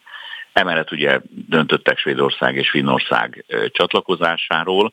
Ez azért fontos, mert Finnországnak majdnem 1400 kilométer határa van Oroszországgal, és ugye talán emlékszünk arra, hogy Putyinnak az egyik fő stratégiai célkütőzése az volt, amikor megtámadta Ukrajnát, hogy ne lehessen NATO tagállam, és ne lehessenek NATO csapatok, fegyverek Ukrajna területén az orosz határhoz hát igen, pont közel. ez a kérdés, bocsánat, hogy szába vágtam, csak ugye ezzel igen. kapcsolatban fogalmazott úgy Putyin elnök, hogy majd szimmetrikus választ ad. Ugye itt hozzátette persze, hogy amennyiben a NATO katonai infrastruktúrát telepítene mondjuk Félország, Finnországba és Svédországba. Mit jelent ez a szimmetrikus válasz? Hogy kell ezt értelmezni? Hát ugye Finnország bejelentette, hogy komoly haderőfejlesztés fog folytatni, egy, fog folytatni a jövőben, amit azért úgy kell értelmezni, hogy a finn meg a svéd haderő jelenleg is az egyik legfejlettebb Európában de nagyon sok új fegyver, például F-35-ös repülőgépeket fognak vásárolni, 60-70 darabot Finnországban, ami a legfejlettebb vadászgép ma a világon. Egyéb más drónokat is például vásárol Finnország, és ezek pontosan a határ, akkor már ugye NATO határvédelem okán vásárolja meg az ország. Tehát magyarul lesznek sokkal ütőképesek fegyverek az orosz NATO határon, ha szabad így fogalmazni, Finnországban, és hát természetes, hogy ilyenkor mindig Oroszország belekezd egy ilyen fenyegetésbe, ezt tette minden ilyen NATO-s mhm. döntés kapcsán, hogy akkor ő is majd telepít fegyvereket a saját országa területén a, a határ túloldalára, tehát ezt értik egy ilyen szimmetrikus lépésnek. Még egy kérdés Litvániával kapcsolatos helyzet. Ugye itt sokan úgy érték, el, így érték, hogy pattanásig feszült a helyzet, és itt most friss hír, hogy hamarosan ugye ismét áthengedheti Litvánia a Kaliningrádba tartó orosz árucikkeket. Ugye ezzel kapcsolatban nagyon-nagyon hát furcsa hírek voltak, és most azt lehet ezzel kapcsolatban olvasni, hogy az EU döntéshozói hajlanak, hogy kompromisszumos megoldásra jussanak az orosz árufogalommal kapcsolatban, mert hogy itt akár eszkalálódhat is a helyzet. Egyetért ezzel, hogy ez most megoldja ezt a helyzetet, és egyáltalán tényleg lehet ez egy, ez egy, hogy mondjam, eszkalációra okot adó helyzet? Lehet ilyen, ugye ott talán aki nem ismer ennyi, ott van egy orosz terület, aminek nincsen Oroszországgal Igen. nyílt kapcsolata, vagy egybefüggő kapcsolata, tehát egy másik ország területén keresztül érhető el csak egy újabb orosz felségterület és a, az EU-s szankciók értelmezése kapcsán Vilnius úgy döntött, hogy az EU-s szankciók megsértése lenne, hogyha a Vilnius, Vilnius úgy döntene, tehát Litvánia úgy döntene, hogy a saját területén átengedi ezeket a, a, a termékeket, amiket oda szállítottak volna. Ebben lépett szerintem racionálisan egyébként az Európai Unió, és valóban ezt a helyzetet ezt enyhítheti ez a döntés. Hát meglátjuk, mindenképpen beszélünk majd még ezekről a témákról. Mesterházi Attilának köszönöm szépen a helyzetelemzést. Szép napot önnek, viszontlátásra. Spirit FM 92.9 A nagyváros hangja új hajléktalan stratégiát fogadtak el Budapesten. Ez szerint kizárólag a szállók felújítása helyett a megelőzésre és a megfizethető lakásokra akarnak koncentrálni. A hajléktalanság és a lakáshelyzet problémáival foglalkozó Utcajogász Egyesület véleményezte a főváros stratégiáját. Az észrevételeikről Szatmári Andreát, az Utcajogász Egyesület önkéntes jogászát kérdezzük. Jó reggelt kívánok! Jó reggelt kívánok! Hát nem volt olyan nagyon jó a véleményük erről a stratégiáról, ugye megjelentettek, hát nem is tudom hány pontból álló javaslatcsomagot, hogy mi mindennel nem értenek egyet már, mint tehát, ami a stratégiát illeti. Mit emelnek ki, mi az, ami a leginkább ön szerint problémás ebben a stratégiában? Hát egy kicsit pontosítanám, mert ez nem, az, nem, nem pont az a véleményünk, hogy nem értünk egyet, mert az alapelvekkel és a, az irányjal azzal egyetértünk, csak inkább hiányoljuk belőle a, a valódi tényleges. Hát most csak ugye az, akkor hagyj idézzem, ugye azt írják ebben, hogy nincsenek részletes érdemi adatok a jelenlegi források mértékéről. A helyzettel értékelés nem tartalmaz részletes információkat a még lakásban élő veszélyeztetett csoportokról. A javaslatok nem térnek ki részletesen arra, hogy szükség van-e szociális lakásbérlet szabálynak módosítására. Szóval erre céloztam, hogy nagyon-nagyon sok ilyen konkrét javaslatot tettek, amelyeket ugye hiányolnak magával a stratégiából. Igen, hát pontosan azokat az elemeket hiányoljuk, ami, ami kézzelfoghatóbbá tenné a vállalásokat. Tehát, hogy nem csak ilyen, ö, ilyen távoli elvek és célok lennének megfogalmazva, hanem valamilyen konkrétumok. Ugye minden a pénzről szól, tehát azt gondolom, hogy források nélkül nehezen lehet értelmezni ezeket a feladatvállalásokat. Ja, hogy, ez, ja, hogy ebben a stratégiában egyáltalán nem szerepel az, hogy mindenre mennyi pénz lenne?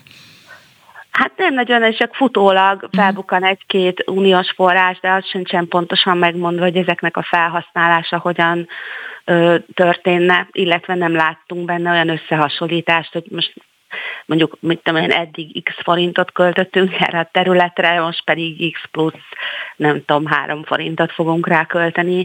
Tehát, hogy így nagyon nehéz számon kérni egy stratégia megvalósítását, hogyha nincsenek benne kézzelfogható célkitűzések. Tehát az, hogy előzzük meg a, a hajléktalanságot, teljes mértékben egyetértünk, de hogy ennek mi lesz a konkrét megvalósítási módja, tehát hány lakás lesz bevonva, hány lakás lesz felújítva, hány hajléktalan szálló férőhely lesz megújítva, arra mennyi forrást fogunk fordítani, tehát azt gondolom, hogy egy stratégiának ezt is tartalmaznia kellene. Mm. Önök egyébként hogyan kalkulálnak, hogy ha ezeket az önök számaira lefordítjuk, akkor hogyan alakul? Akár például az, hogy mennyi összegre, vagy mekkora pénz összegre lenne szükség ahhoz, hogy normálisan működhetjen a hajléktalan ellátás Budapesten? Hát én azt gondolom, hogy az Utcajogász Egyesület, mivel mi elsősorban jogi kérdésekkel uh-huh. foglalkozunk, nekünk nem a feladatunk az, hogy ezeket a forrásokat számba vegyük és kiszámítsuk, de pontosan ez lett volna, amit elvártunk volna a fővárostól, hogy, hogy legyen, hogy ezek a számítások legyenek megcsinálva és bemutatva. És pont ezt mondom, hogy igazából uh-huh. nem a civil szervezetek feladata volna az, hogy ezeket rendesen számba vegyék. Uh-huh. Mi az, amit akkor ebben a helyzetben az első körben javasolnának, ha átnézve azt, ami most van ebben az adott helyzetben? Mert hogy itt végignéztem, tényleg nagyon-nagyon konkrét javaslat csomaggal álltak elő. Hát például az, ami, ami évek óta a fókuszunk szunkban van, hogy nagyon ö, diszkriminatív a törvényi szabályozás a, a települési támogatások tekintetében, és ugye a, a fővárosban a hajléktalanok számára gyakorlatilag csak az, a fővárosi önkormányzat biztosít ö, szociális önkormányzati segélyt, tekintettel arra, hogy egyik kerületben sincs mondjuk lakcímük, és ö, azért az, hogy ez 7 éve változatlan az a rendelet, amelyik ezt szabályozza, és itt vállalhatatlanul alacsony összegeket biztosítanak, és nagyon kevés, összesen 50 millió forintot költenek, de hát ugye ez 7 éve változatlan, és szerintem a mostani inflációs helyzetben ez most már nem halasztható, tehát az már nem egy stratégiai kérdés, amire majd egy év múlva lesz cselekvési terv, és majd két év múlva esetleg változtatnak rajta, hanem ez egy olyan, ami már évekkel ezelőtt is késő lett volna. Tehát az, hogy emberek tengődnek nyomorúságosan kevés pénzből, az szerintem nem megengedhető. Ebben a helyzetben. Igen, ugye a főpolgármester hivatal egyébként májusban bocsájtotta társadalmi egyeztetésre ezt a bizonyos stratégiai tervezetet, és lehet, hogy a társadalmi egyeztetés még folyamatos lenne. Önök egyébként egyeztetnek a fővárossal bármilyen szinten ez ügyben? Hát van egy, egy kialakított rendje a civil szervezetekkel való egyeztetésnek a fővárosban, amit mi nagyon örülünk annak, hogy ez így van. Tehát az előző városvezetés alatt ilyesmiről egyáltalán nem volt szó, és ezeken az esély, úgynevezett esélyteremtő csoportnak a, a megbeszélésein szoktunk részt venni, de azt például nagyon sajnáltuk, hogy a hajléktanügyi stratégia az részletes megbeszélésre nem került ezen a hivatalossá tett fórumon, hanem csak a szokványos társadalmi egyeztetésbe tudtunk bekapcsolódni, amikor az interneten ugye közé van téve, és akkor bárki uh-huh. hozzászólhat. Igen, itt ugye azt is lehetett olvasni, hogy az előkészítésben konkrétan hajléktalanokat, hajléktalan embereket is bevontak, hogy ők maguk tudják elmondani, hogy mi az, ami a leginkább problémát okoz számukra. Igen, egyébként ezt is nagyon előremutatónak tartjuk, tehát hogy összességében azt kell mondjam, hogy ez, a, ez az anyag, ez ö, nagyon nagy munka eredménye, és ö, mi igazából az elvi alapvetésekkel és az irányokkal teljes mértékben egyetértünk, és azt is nagyon előremutatónak tartjuk, hogy ilyen nagyon részletes és alapos kutató munka előzte meg, tehát a helyzetkép az igazából nagyon hasznos információkat tartalmaz, csak valahogy a stratégiának a másik eleme a pontosan mit is fogunk csinálni, az, ami kicsit hiányosnak tűnik. Akkor beszélünk majd még erről, meg megpróbálunk majd mi is utána járni. Ennek köszönöm szépen Szatmári Andreának, az Utcajogász Egyesület önkéntes jogászának. Viszont hallásra! Viszont hallásra! Friss hírek, információk, beszélgetések. A Spirit FM reggeli műsora. Indítsa velünk a napot, hogy képben legyen. A műsorvezető Lampi Ágnes. A Greenpeace azt kéri a kormánytól, hogy törvényileg kötelezze a gyártókat és a forgalmazókat, hogy minden eldobható italcsomagolást hasznosítsanak újra, legkésőbb 2024-re. Továbbá azt is sürgetik, hogy az italcsomagolások legalább 70%-a legyen újra tölthető, legkésőbb 2026-ra. Stop PET címmel petíciót indítottak. A telefonnál Simon Gergely, a Greenpeace vegyi anyag szakértője. Így van, jó reggelt kívánok! Jó reggelt! Sok kérdés van, ugye egyrészt hol tart a petíció, és hogy látja, hogy mennyire változik meg az a mentalitás, akár a mindennapokban, hogy egy picit jobban odafigyelünk a szemétre? Hát a petíciónk az 55 ezer embernél tart, uh-huh. láthatóan akiket elért a petíció, azért nagyjából támogatták, csináltattunk egyébként egy közvéleménykutatást is, és a lakosok 80%-a támogatná, hogyha újra visszaváltható, újra tölthető palackokba lehetne üdítőket, sört, bort, egyebeket vásárolni. Viszont a lakosságnak a hozzáállása sajnos még mindig hagy maga után kivenni valókat. Elben ugye legtöbben azt mondják magukról, hogy szelektíven gyűjtenek, de a statisztikák mégiscsak azt mutatják, hogy, a, hogy kb. a harmada jut a PET palackoknak, alumínium dobozoknak a szelektív gyűjtőbe, azaz ha, tud hasznosulni.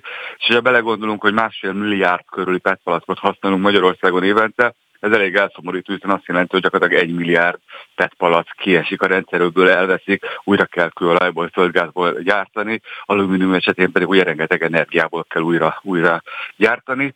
De ráadásul ugye azt látjuk, hogy a üdítős cégek egymás után vállalják, hogy növelni fogják az újrahasznított műanyag arányát, de ez igazából nem igazán segít a műanyag válságon. Egyre több szakértő jelentés arra jut, hogy ha az igazán nyersanyag takarékos, az az lenne, hogyha mégiscsak visszatérnénk az újratöltéshez. Mhm. Mit gondol egyébként, hogy ez a gazdasági helyzet, vagy akár a háborús helyzet, az energiaválság, ez módosíthat most akár azon a szemléleten, amire az előbb ön is célzott, amit hát de finoman szóval nem könnyű megváltoztatni? Hát arra gondolnánk, hogy kellene, hiszen ugye látjuk, hogy egymás után egyre több országban beszélnek arról, hogy hiány van különböző csomagolanyagokból. Üvegeket ugye részben Ukrajnába gyártottak az olajárak miatt, az energiár növekedés miatt, az összes ilyen alapanyaggyártás drágult, tehát most lenne rá szükség. Ezért is láttuk szomorúan, hogy már eleve azt gondoltuk, hogy nagyon sokat vált a kormány azzal, hogy ezt a visszaváltási díjrendszert bevezesse. Ugye másfél éve szavazott róla a parlament, Igen. hogy be kell vezetni ezt a rendszert, akkor a, a, a indoklásban azt szerepelt, hogy 2023 nyarától lépne életbe ez a rendszer, de egy saláta törvénybe múlt héten beadtak egy módosítót, amikor már csak 2024-ről beszélnek, tehát láthatóan tovább tolják ennek az új rendszernek a bevezetését, miközben mondjuk például a szomszéd Szlovákia ugye évelején bevezette a, a visszaváltási díjat per palackokra. De mit gondol egyébként, hogy mi lehet ennek az oka, hogy, hogy a kormány ezt nem uh, próbálja? Hát hiszen, ahogy ön is mondja, nagyon-nagyon sok mind, nagyon sok érv uh, van amellett, hogy, hogy épp, hogy ezt, uh, ezt minél inkább uh, tolni kellene, vagy ösztönözni kellene. Hát nyilván a piaci szereplők szeretnék húzni az időt, nyilván nagyon-nagyon kényelmes a gyártóknak, hogyha ez az egész hulladékkérdést rá lehet tolni a társadalomra, eh, hogyha, hogyha úgymond legyártak nekünk a szemetet, mi pedig kezdjünk valamivel és várják betűvel, hogy, hogy kérlek, legyél szelektív és szidjuk a szemetelőket, eh, de nyilván a cégeknek azért elég nagy a felelőssége abba, hogy, hogy, hogy, hogy gyakorlatilag szép lassan kivonják szinte mindenhonnan a visszaválthatós palackokat. Emlékezzünk, hogy hányfajta üdítőt lehetett még tényleg eh, mondjuk egy másfél-két évtized ezelőtt kapni visszaválthatós palacba. Eh, a kormány pedig nem próbálja számukra ezt előre írni, hogy ilyen változás legyen, a szupermarket láncok se igazán ösztönzik azt, hogy minden visszaválthatóba legyen, és a, és a szelektív gyűjtésnek a rendszere, az meg ugye rá van bízva a lakukra, nincs meg, támogatva mondjuk egy ilyen betétdíjjal, ami, ami jelentősen megnövelni ugye a visszagyűjtésnek az arányát, és addig nem azt látjuk, hogy el vagyunk maradva nagyon-nagyon az uniós újrahasznosítási céloktól, de mondom, mi tovább is mennénk, nem csak az újrahasznosítást kell ösztönözni, hanem hogy a Európai Unió hulladékérjarihelye is kimondja, előrébb van az újrahasználat, mint az újrahasznosítás, azaz újra tölteni kellene palackokat. Reméljük, hogy ez az új kormány nyitottabb lesz rá. Ugye most fölállt egy új államtitkárság, ami ebben minden környezetvédelmi és ilyen körforgásos, gazdaságos, hulladékos témát visz elven ők azt mondják, hogy nyitottak a párbeszédre. Nagyon örülnénk, hogyha hogy itt tényleg előrelépés történne, mert évek óta beszélnek arról, ugye elhangzott már egyébként a, ebben a nagy klímaakciótervben, amit bejelentett Igen. a miniszter előtt még a, a Covid-ot megelőzően, de ennek ellenére nem látjuk, hogy megvalósulnának ebből a dolgok. A műanyag zacskó tilalom ugye részben életbe lépett, de más érdemi lépésvel még igencsak tartozik a kormányzat. Uh-huh. Én persze akartam igen kérdezni, hogy, hogy mennyire látja reálisnak, hogy esetleg változik ilyen szempontból a, a, a kormány álláspontja, mert tényleg önök évek óta beszélnek erről, egyelőre nem sok változás volt, és itt ugye most arról is szó volt, hogy egy bála műanyag hulladékot és több mint 55 ezer, ugye elvitték az alá aláírást, Palkovics László. Most, fog, most indulnak most, most, most indulnak éppen, hogy, hogy elviszik vele. Mire számítanak? Volt esetleg visszajelzés, hogy akár mondjuk Palkovics László fogja ezt átvenni, vagy egyelőre erről még nincs friss hír vagy információ? Hát egyelőre két információt kaptunk, a minisztériumban jelenték, hogy várnak minket, de úgy tudom Palkovics Lászlónak vidéken van programja, úgyhogy nem tudjuk, hogy ki fogja átvenni, illetve annyi visszajelzést kaptunk, hogy dolgoznak a témán aktívan. Aminek nagyon örülünk, csak ugye eredetileg 2000 23-as szerintünk már az is elkésett határidő volt, aminek ugye elég kicsi most már a bevezetés, hiszen a piaci szereplőknek nem lesz esélyük felkészülni. Tehát ezért örülnénk annak, hogy a tényleg minél hamarabb bejelentenék, hogy milyen lesz az a rendszer, hogy működik, hogy egyáltalán valóságban tényleg mindenki föl tudjon készülni és el tudjon indulni, hiszen minden év, amit eh, gyakorlatilag elhalasztunk, az mondjuk egy milliárd eh, tettpalasznak az elvesztését a rendszerből, a körforgásos gazdaságból jelenti, eh, és ugyanilyen szintek közel ennyit alumínium dobozból is, és gyakorlatilag azt gondoljuk, hogy ebben az időszakban, amikor ilyen, ilyen nyersanyag hiány van, így drágulnak a nyersanyagok, egy ilyen, egy ilyen, ilyen nyersanyag pazarló és hulladék tényleg tengert eredményező fogyasztásnak nem szabadna tényleg ilyen szabad utat adni Mindenki beszámolunk majd arról, hogy hogyan alakultak akkor a mai tárgyalások. Köszönöm szépen Simon Gergenek, a Greenpeace vegyi szakértőjének. Szép napot önnek, viszontlátásra. Én is köszönöm, viszontlátás. Spirit FM 92.9 A nagyváros hangja Komolyan kell venni a hőség veszélyeit, hívja fel a figyelmünket a meteogyógyász. Mivel a nagyvárosokban a hajnali órákban sem frissül fel a levegő, a folyamatos terhelés rendkívül igénybe veszi a szervezetünket. Hogy hőhullámok esetén mire figyeljünk, arról Pintér Ferenc meteogyógyászt, a Meteoklinika igazgatóját kérdezzük. Jó reggelt kívánok! Jó reggelt kívánok, üdvözlöm a kedves hallgatókat Ugye, is. ha, ha már az előbb közlekedésről beszélgettünk, meg arról, hogy hol mekkora dugó van, hát például ilyen melegben a kocsiban ülni, nyomatni a klímát, az is biztos, hogy igénybe veszi a, a szervezetet. Tehát, hogy most kifejezetten még erre is érdemes talán figyelnünk. Sokféle veszélyfokozó tényező van a hőség miatt, a, ami az autóvezetést illeti. Tehát ugye az egyik az, hogy eleve már sokkal kifáradtabbak vagyunk, lelassultak a reflexeink, figyelmetlenebbek vagyunk, tehát már eleve egy terhelt állapotban ülünk be az autóba. A másik dolog a, ez a bizonyos elindulás. Tehát amikor oda megyünk az autóhoz, ha főleg, hogyha az ugye napon parkolt, ami a, ami a tipikus történet, akkor abban 60 fok, sőt azt meghaladó hőmérséklet uralkodik, tehát ha beszállunk és azonnal elindulunk, azzal a legrosszabbat tehetjük. Tudnék egyszerűen egy hősok ér bennünket, és hát azért a klíma az nem néhány másodperc alatt fogja tudni lehűteni az autót, úgyhogy mindenképpen az a célszerű megoldás, hogy ha lehet, akkor nyissuk ki az ajtókat, szellőztessük ki, legalább arra a 40 fok alatti hőmérsékletre hűtsük le az autót, és elindul a klíma, és természetesen, hogyha egy picit már lehűlt, akkor elindulhatunk.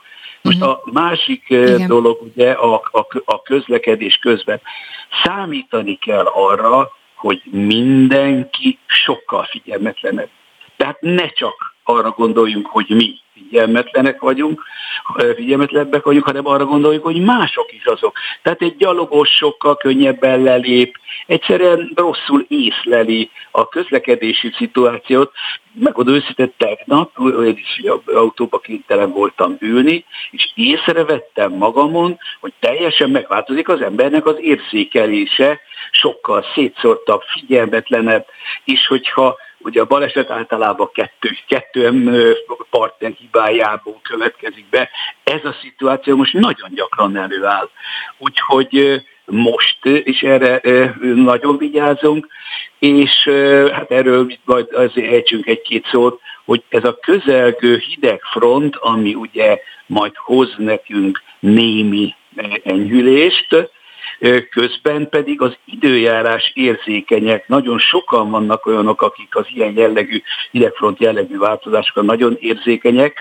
Egyik oldalról persze valamennyi felfrissítő hatásuk lesz, csak hogy megvannak azok a személyenként függő hidegfronti hatások, amelyek összegződni fognak az eddigi terhelésekkel, és nem tudok mást mondani, mint hogy valóban kritikus helyzeteket teremthetnek. Igen, és ez biztos, hogy a, a szervezetre is ugye nagyon komoly hatással van. Alvás zavarok miatt például sokan nem is tudják normálisan kipihenni magam, magukat, nagyon sokan mesélték, kollégáim, barátaim, de a környezetemben is nagyon sokan ugye nem tudnak a melegben aludni, ha bekapcsolják a klímát, akkor, akkor meg azért nem tudnak aludni. Tehát, hogy mit, mit javasol, hogy mire figyeljünk például az alvás esetében, mert ugye azt mondta, hogy nyilván sokkal figyelmetlenebb könnyebbek vagyunk ö, ilyen, ilyen melegben, ráadásul, ha ki sem tudjuk normálisan pihenni, akkor ez talán még csak fokozódhat. Ez teljes egészében így van, úgyhogy ez nagyon fontos erre fölhívni a figyelmet. A, a nem jó alvás minőség az egy komoly kockázatnövelő tényező. Ettől már önmagában is sokkal fáradtabbak, figyelmetlenebbek lennénk a következő napon, nem beszélve ugye a korábban említett terhelő hatásokról, és hát ez, ezekben a napokban ez nagyon így van. Ugye amit tehetünk, az az egyik, amit már napok óta kell, hogy tegyünk, és azért még bőven fog tartani ez a hőhullám, tehát a következőkben is ezt tegyük. A legfontosabb az, hogy a lakásokat a lehetőség szerint tartsuk a leghűvösebben. Ha ez 29 fok, akkor 29 fokon, de nem 33 fok. És uh, itt a legfontosabb a napsütés kizárása. Tehát, hogyha hagyjuk a nap besugárzását az ablakokon keresztül, akkor bizony ez több Celsius fokos hőmérséklet emelést fog garantálni, hiszen egy óriási nagy fűtőfelületen jön be a hőség. Na most ezt meg kell nézni, mit csinálnak a mediterrán országok, tehát lehetőleg kívül kéne, az ablakon kívül kéne megfogni a napot, na de hát nálunk nem sok spaletta van, úgyhogy marad az, hogy húzzuk be a függönyöket, jobb esetben ugye a redőnyt azért le tudjuk engedni, de ha más nem, húzzuk be a sötétítő függönyöket, és a függöny mögött nyissuk ki résnyire az ablakot, hogy az ott felgyülemlett extrém magas tehát akár 50 fokos hőmérsékletű levegő tudjon távozni. Tehát ezt tudjuk tenni annak érdekében, hogy nem melegedjen föl a lakás uh-huh. nagyon nagy mértékben. Még egy utolsó. Még egy, igen, és, igen.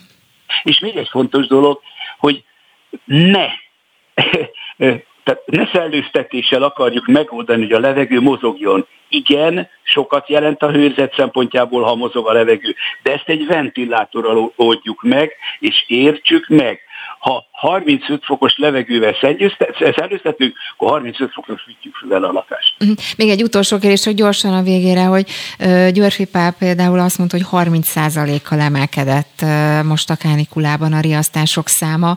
Magyarán ez nem túl jó, ugye azt jelzi, hogy tényleg, tényleg sokaknak problémát okoz ez a, ez a helyzet, úgyhogy arra számíthatunk, hogy esetleg még ez további problémákat okozhat, mert ez a 30% egyre, egyre ez óriási. Többet, uh-huh. Egyre több problémát okoz tudni, tudnélik, most már hozzájön a hőkifáradás is. Tehát önmagában a 40 fok közeli hőmérséklet önmagában egy napig is nagyon megterhelő, és bizony az eset számot nagymértékben növeli, a rosszul létek számát nagymértékben növeli. Azonban ez a hosszú időn keresztül, és még napokig fennmaradó rettenetes hőterhelés, na ez az, ami igazán kikészíti a szervezetet, ez az, ami igazán kimeríti ugye a keringési rendszert, és ennek a következtében egyre több lesz az infarktus, a trombózis, és hát a, a, a múló rosszulétek, és főleg a hőséghez kapcsolódó olyan jellegű dolgok, mint a hőgörcsöknek a kialakulása, vagy hát akár itt a jövő hét elején már a hőbutának a kialakulására is számítanunk kell.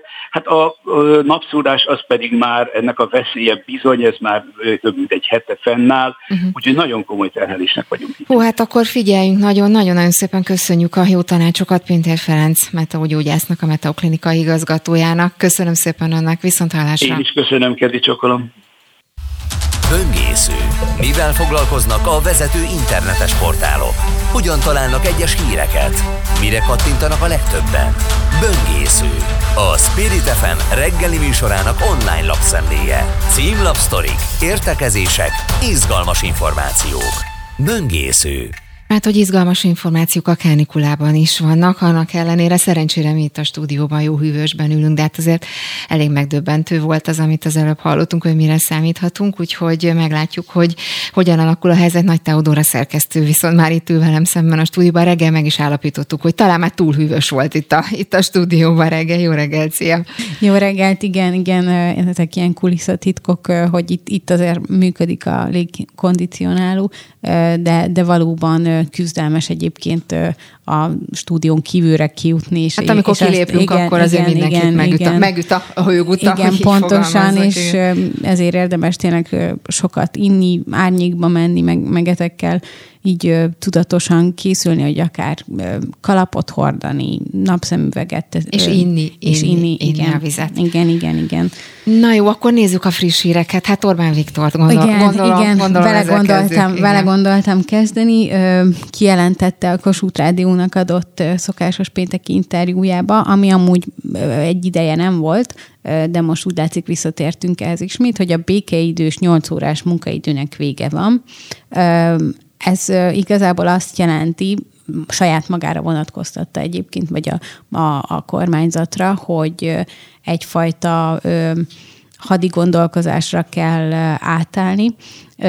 Ugye ő, ő a EU csúcson és NATO csúcson is részt vett az elmúlt napokban, és azt mondta, hogy a NATO csúcs az azért jobban megnyomta, mert hogy úgy jött haza onnan, hogy a folyamatosan hát égett a vészvillogó vagy vészcsengő a fejében, és hogy, hogy a, hogy a háborús zóna rövidesen közelíteni fog Magyarország felé, mert hogyha csak simán a számokat nézik, akkor az alapján is hát emberanyagba Oroszország nem kérdés, hogy Ukrajnát felülmúlja, és hogy az ukránok hősiesen tartják uh-huh. magukat, de hogy egy idő után ki és el fognak fáradni, és és hogy bár nagyon sok harci cselekmény, amiket most hallunk, az jelenleg a magyar határtól meglehetősen távol van, de bármikor közel kerülhet, és hogy ezért ezért a haderőfejlesztésnek két-háromszorosára kell növekednie, és a félbékés állapotból ki kell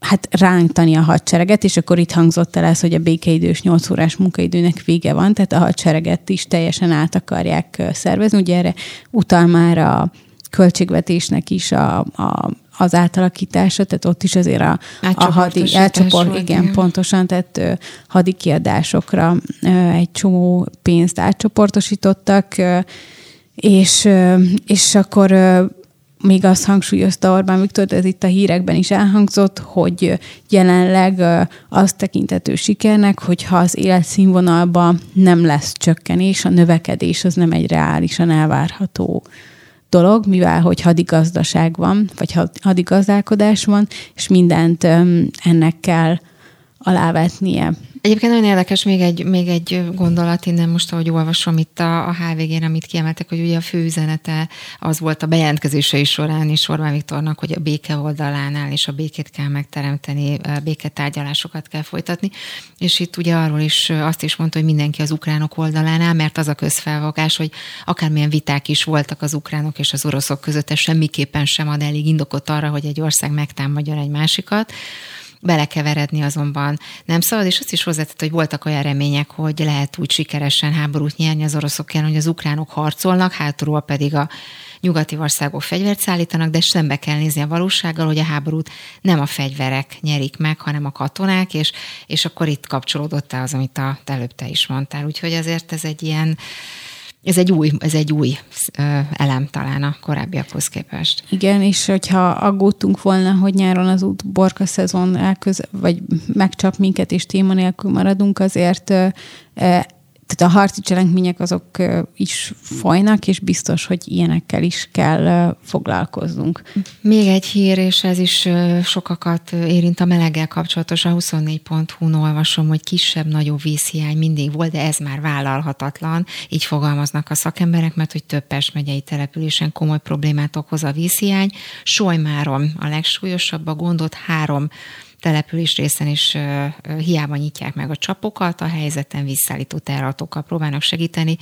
Hasonlóan súlyos a helyzet például a Birisboros Jenő, és a polgármester beszélt, így alapban nyilatkozott, azért ez is, ez is elgondolkoztató. Itt ugye sok téma igen, volt ezzel Igen, igen, és a, a vízhiányt is most már próbálják kormányzati szinten kezelni. Ugye a Solymárnak a, az egyéni országgyűlési képviselője a Mencer Tamás. Tamás. Igen, és ő, ő maga személyesen is közreműködött, és segítkezett abba, hogy, hogy ezt a vízhiányt lehessen oldani.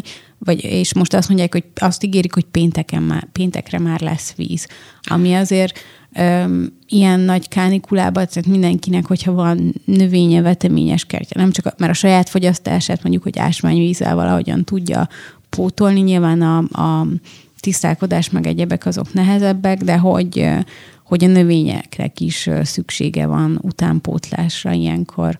Ráadásul épp most olvasom, hogy ugye tetőzik ma a hőség, 40 fok is lehet, ez szerintem már, már, már fölfogni se lehet, szóval nagyon-nagyon igen, igen, és húzós lesz a helyzet. A, még egy kicsit a melegnél maradva, a Pártai Lucia, ő azt javasolja, hogy autóba se nagyon maradjunk, és hogy a lehúzott ablaknál se üljenek az emberek, mert úgy lehet igazából hőgutát kapni, mert ugye az autó is magába szívja egy csomószor a, a napsugarakat, de a melegen kívül még történtek más események Igen. is. Miniszteri biztosa lett a Mohácsi csata 500. Igen, ezt én is ki szerettem volna emelni. Ha valami fontos történni, kell most történni, akkor ez mindenképp az. Igen, Igen, és bár négy év múlva lesz az évforduló, nem baj. de azért nem lehet elég hamar felkészülni arra, hogy erre méltóképpen megemlékezzünk, és hát nagyon, nagyon nagy, én nagyon kíváncsi leszek, és azért hogy milyen lesz. hírnek? Ö, igen, igen, hogy, hogy így a meleg és háborús hírek és egyebek közepet ilyesmik is történnek, meg tényleg valami nagyon nagy szabású rendezvénysorozatra számítok ezt követően, ami, Ezek után. A, igen, igen, ami méltóképpen fog erről az eseményről és hát tragédiáról is megemlékezni. Nagyon kíváncsi leszek, és hát, tényleg, tényleg figyelemmel fogom kísérni, mindenféle... Szava, szabadon igen, foglak igen, majd, és beszélünk igen. erről. Mi pedig akkor ezzel méltóképpen lezárjuk a ma reggeli aktuált, meg a hetet is tulajdonképpen, mert hogy két perc múlva kilenc óra, úgyhogy ez azt jelenti, hogy már a véget ért az aktuál. A műsor elkészítésében Tóró Nikolett segített, a technikus Kammer Jonatán volt. Nagy Teodóra szerkesztő nevében is köszönöm szépen a figyelmüket, jó hétvégét, jó pihenést kívánok!